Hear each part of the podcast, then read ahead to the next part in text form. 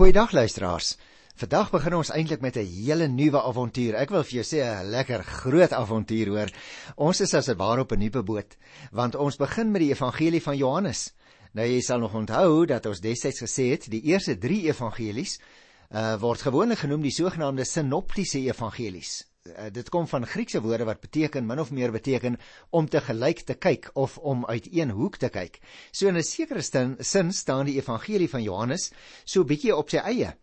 En hy dra natuurlik ook 'n heel eie karakter. Jy sal nog onthou dat ons gesê het, uh, Matteus het byvoorbeeld sy evangelie hoofsaaklik vir Jode geskrywe. En daarom kan 'n mens verstaan dat Johannes soveel uh, aanhalinge veral uit die Ou Testament gehad het. Hy het sekere temas na vore gebring soos Jesus God by ons, Immanuel, jy onthou nog nê, of Jesus die koning van die Jode. Toe het ons later die evangelie volgens Markus se beskrywing gedoen en het ons gesê hy het hoofsaaklik vir Romeinse lesers geskrywe en sy temas was dinge soos die lydende seun van God of die dienskneg van God.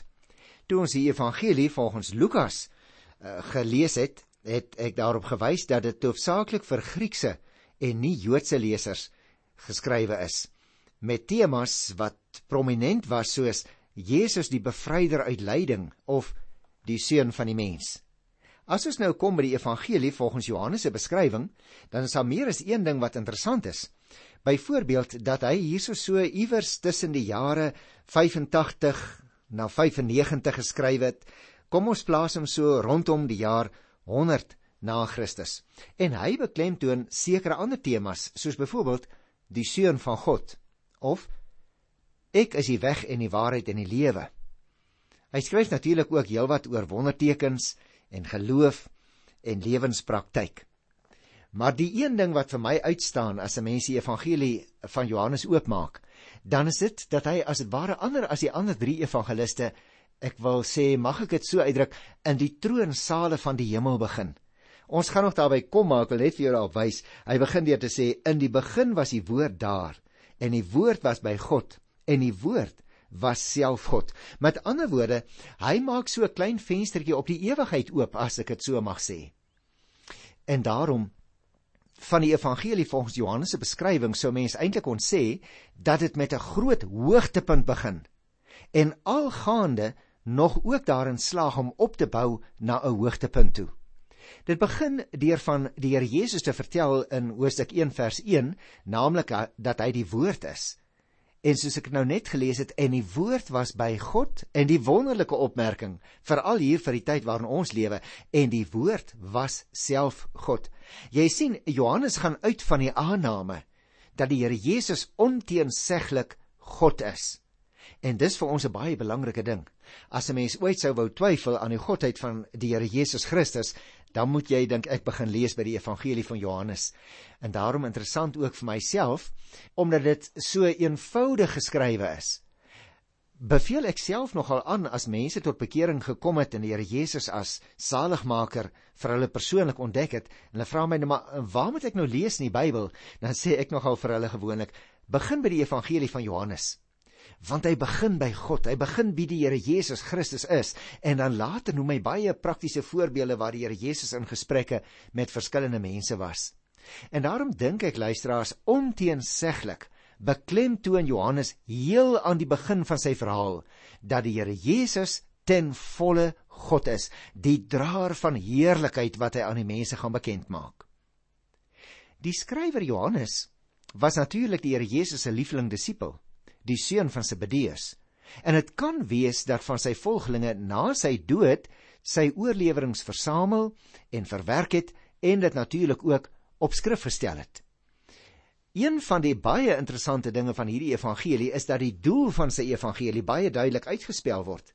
Jy weet as 'n mens uh, nou sou vra nou maar waaroor gaan dit nou eintlik? Hoekom het Johannes sy evangelie geskrywe?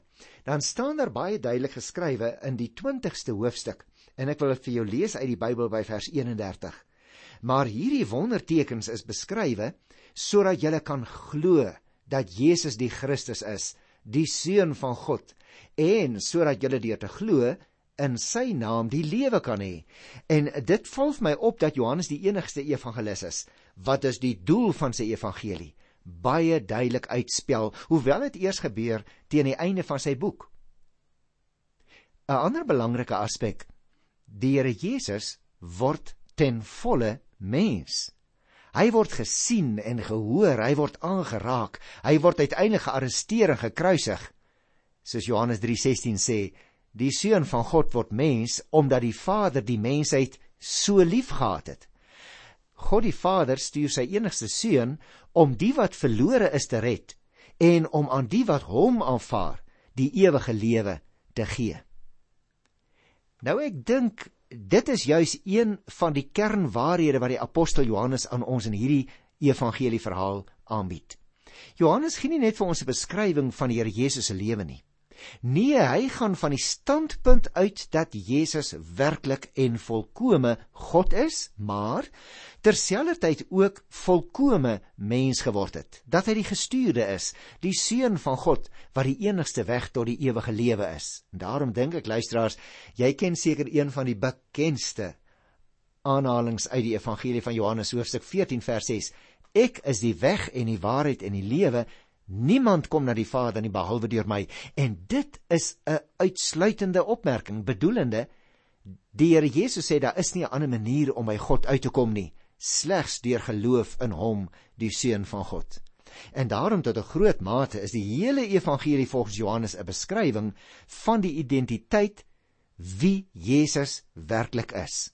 Ek het reeds vir jou gesê wanneer dit ontstaan het. Party mense plaas dit so vroeg as 85 na Christus, maar iewers tussen 85 en 100 na Christus, kom ons bly dan nou by die ronde syfer so 90 na Christus. Is die evangelie geskrywe maar nog jou gesê waar nie? Die Nuwe Testamentiese is nogal eens daaroor dat dit ontstaan het in die tyd toe Johannes die evangelis in Efese was. Maar baie interessant ook Dit is geskryf na die verwoesting van Jerusalem in 70 na Christus en ook na die breuk tussen kerk en sinagoge.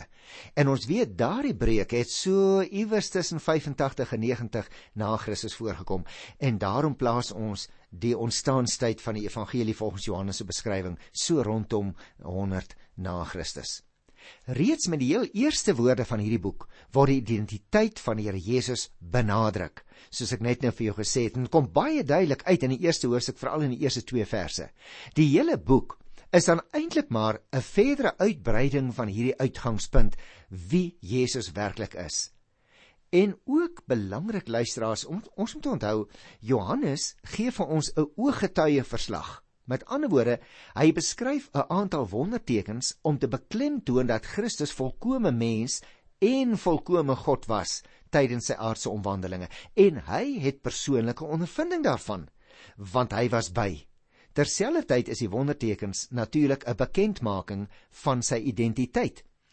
In die tweede hoofstuk tussen hakies daar by die 11de vers nadat die eerste wonderwerk plaasgevind het naamlik die water wat in wyn verander is, staan daar duidelik hierdie eerste teken en dan word dit baie pertinent genoem daar in Johannes 2 vers 11 'n wonderteken.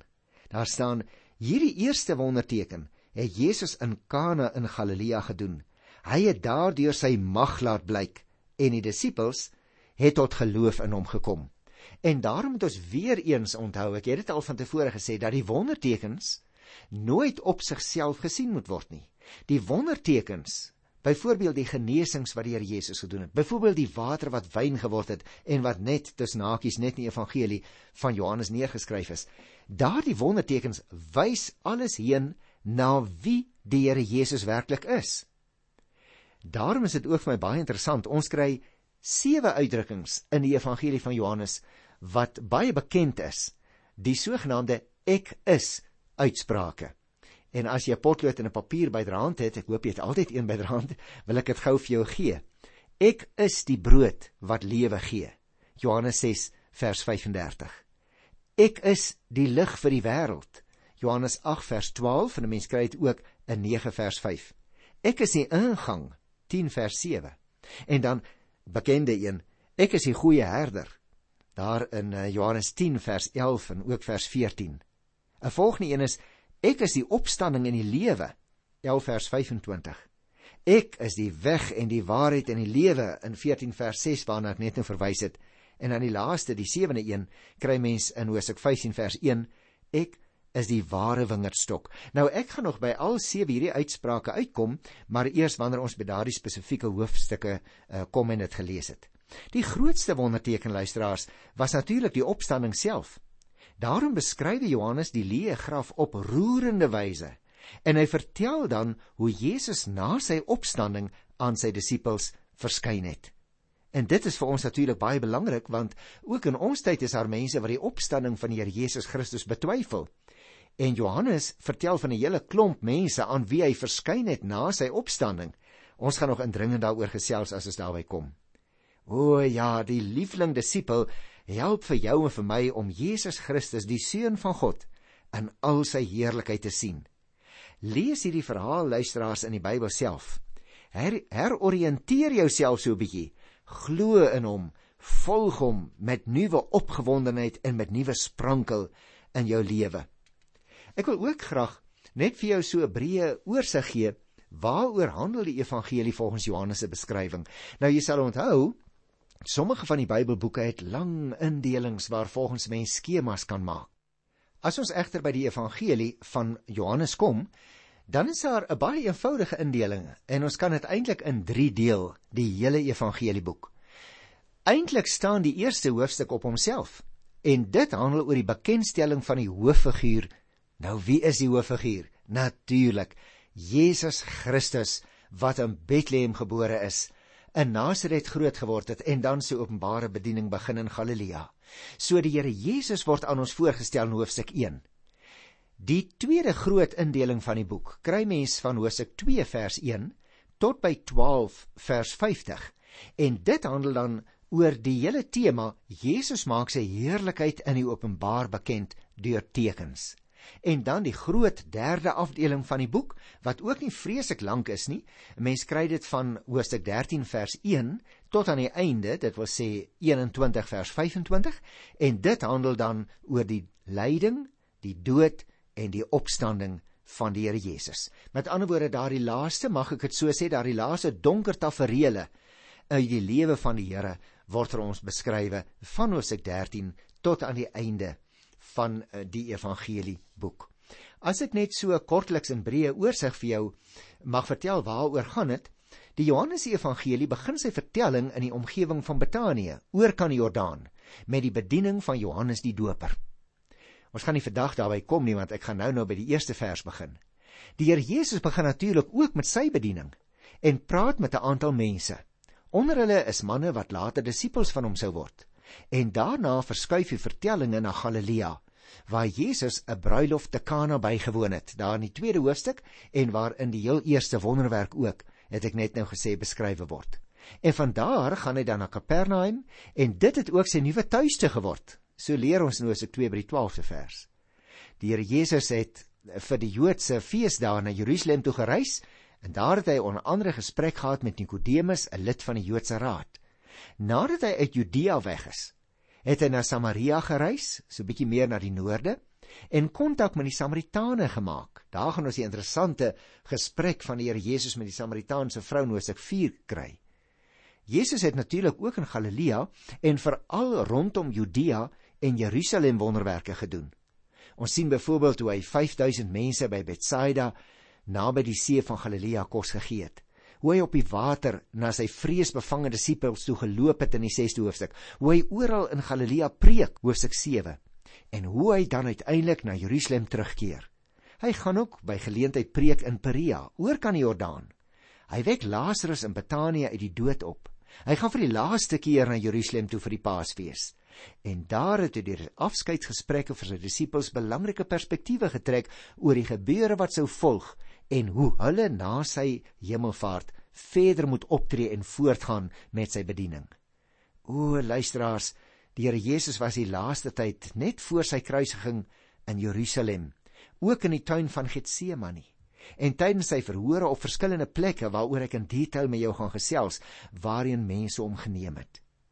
Hy sou dan uiteindelik gekruisig word, maar weer opstaan, net soos wat hy vir sy disippels gesê het. En dit is my een van die wonderlike dinge in die Bybel, dat die Here dinge vooruit sê Ons het al reeds in die Ou Testament geleer dat die Here eintlik niks doen as hy dit nie aan sy profete bekend gemaak het nie.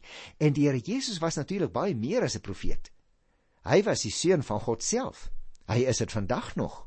En hy het ook profetiese uitsprake gemaak oor dinge wat lank na sy leeftyd sou plaasvind. Die eintlike enigste een daarvan wat nog oorbly, wat nog vervul moet word, is natuurlik sy tweede koms.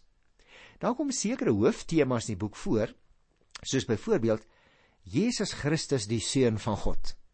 Natuurlik kan 'n mens verstaan dat hy daaroor gaan praat, want Jesus is uniek.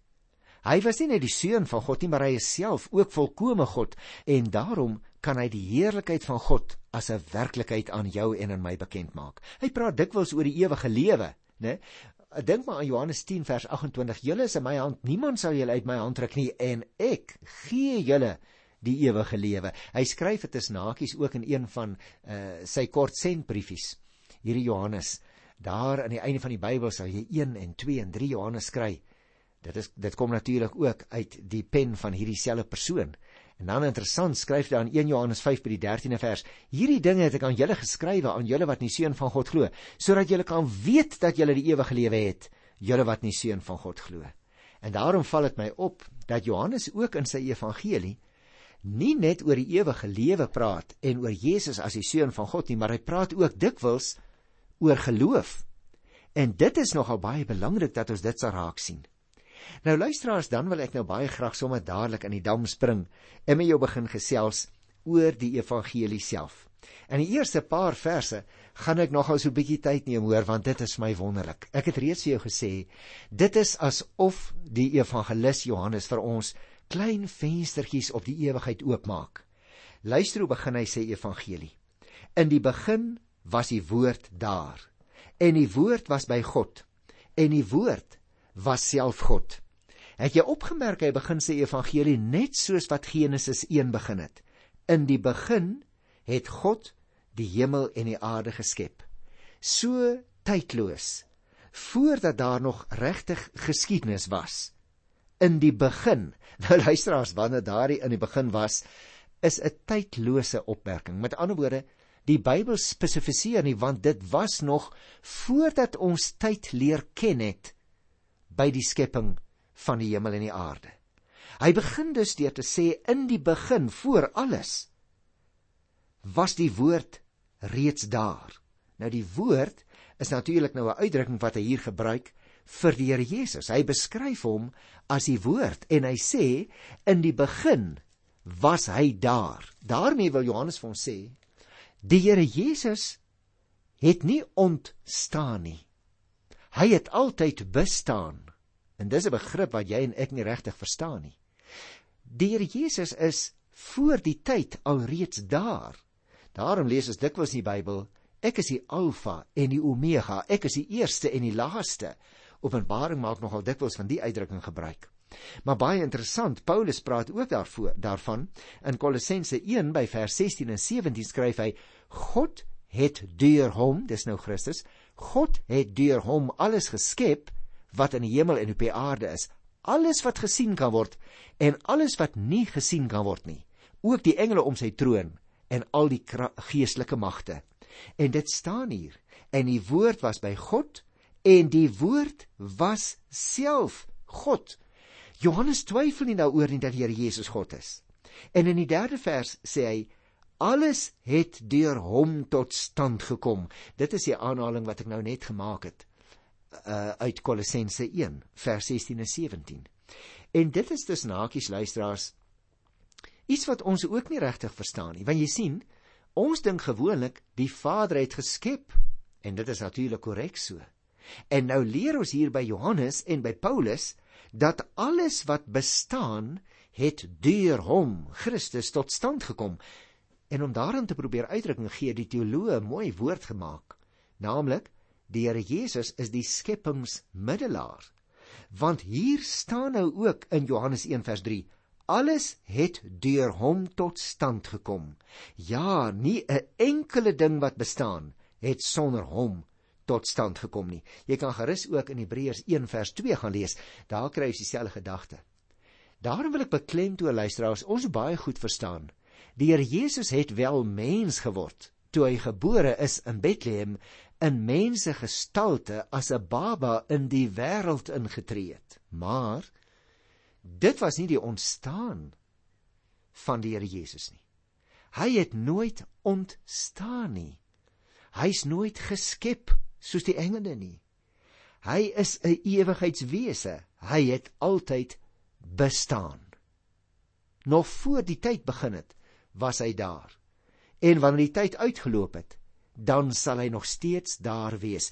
Nou dit is iets wat jy en ek nie regtig verstaan nie. Ons kan dit net nasê. Ons kan dit net glo op grond van wat die Bybel getuig aangaande die Here Jesus. Nou gaan Johannes voort. Hy sê in die 4de vers: In hom was daar lewe en die lewe was die lig vir die mense. Die lig skyn in die duisternis. Die duisternis kon dit nie uitdoof nie. Maar ek wil nie graag met die enkele opmerkings wat ek gemaak het volstaan vir vandag nie luisteraars en daarom wil ek net baie kortliks nog weer 'n keertjie kyk na hierdie eerste 4 verse. Dit wat Jesus gedoen en geleer het, is onlosmaaklik verbind aan sy identiteit. Heel aan die begin van die vertelling word dus uitdruklik gesê wie die Here Jesus is. Johannes wys vir ons dat Jesus volkomme mens en volkomme God is al het hy ten volle mens geword en as 'n mens onder ons kom woon, het hy nooit opgehou om God te wees wat van ewigheid tot ewigheid bestaan en die bron van alle lewe is nie. Hy is die enigste waarheid van die Vader en ook die fondament van die waarheid. As ons dit nie glo en aanvaar nie, sal ons nie die vertroue kan hê om ons ewige bestemming in sy hande te laat nie. Daarom is dit so belangrik luisteraars dat jy en ek sal aanvaar wat die Bybel vir ons oor die Here Jesus Christus vertel. En die 4de en die 5de vers het juis vir ons gesê in Christus is die woord was daar lewe en omdat hy lewe is word dit voortgeplant as die lig vir die mense. Jy sien, uit die lewe van die seun ontvang die mens juis sy identiteit, naamlik dat hy van die lig is teenoor diegene van die duisternis vir wie ons volgende keer in hierdie hoofstuk gaan ontmoet in die volgende program. Onthou, lewe is 'n gawe in die algemeen, maar ook as ewige lewe word dit hier verstaan. Die woord, dis Christus, het gekom sodat die mens lewe in oorvloed kan hê gaan ons nou in hoofstuk 10 by die 10de vers ontdek. In die hede sowel as in die ewigheid as in die toekoms, as jy dit sou wil sê. Die koms van die woord na die mense dring die duisternis van sonde en ongeloof binne. Duisternis is natuurlik meer as net die afwesigheid van lig. Dit tipeer juis die aktiewe verwerping van God deur mense wat in duisternis woon die gepersonifieerde vyhandige duisternis neem as dit ware hier stelling in teenoor die koms van die lig. Maar die duisternis kan nie die lig uitdoof nie, staan hier. Jy weet dit tog nê, as jy in die donkerste kamer net 'n klein vuurhoutjie trek, dan kan 'n mens daai liggie sien. Want die lig verdryf die duisternis. En daarom sê die 5de vers dit baie duidelik dat die koms van die Here Jesus was die lig wat in die duisternis skyn en die duisternis kon dit nie uitdoof nie. Mag ek vir jou 'n vraag vra voordat ons groet? Voel jy ook soms luisteraar asof jy in jou eie lewe 'n moeilike drif deurgaan van tyd tot tyd en dat selfs God dit dalk nie verstaan nie? Nee. Nee, jy kan moed kry vir jou en jou eie omstandighede hoor. Onthou altyd dat die Here Jesus die heelal met deernis geskep het en dat niks vir hom te moeilik is om te weerstaan nie. Hy het ook mos vir jou en vir my geskep. En Jesus Christus leef vandag nog. Onthou jy Matteus 28 by vers 20 waar waar ons geleer het en ek is by julle al die dae tot aan die volëinding van die wêreld. O ja, jy sien die Here Jesus is nog steeds by ons deur die Heilige Gees. En sy liefde en sy begrip vir jou en vir my is groter as enige probleem wat ons ooit in hierdie lewe kan hê.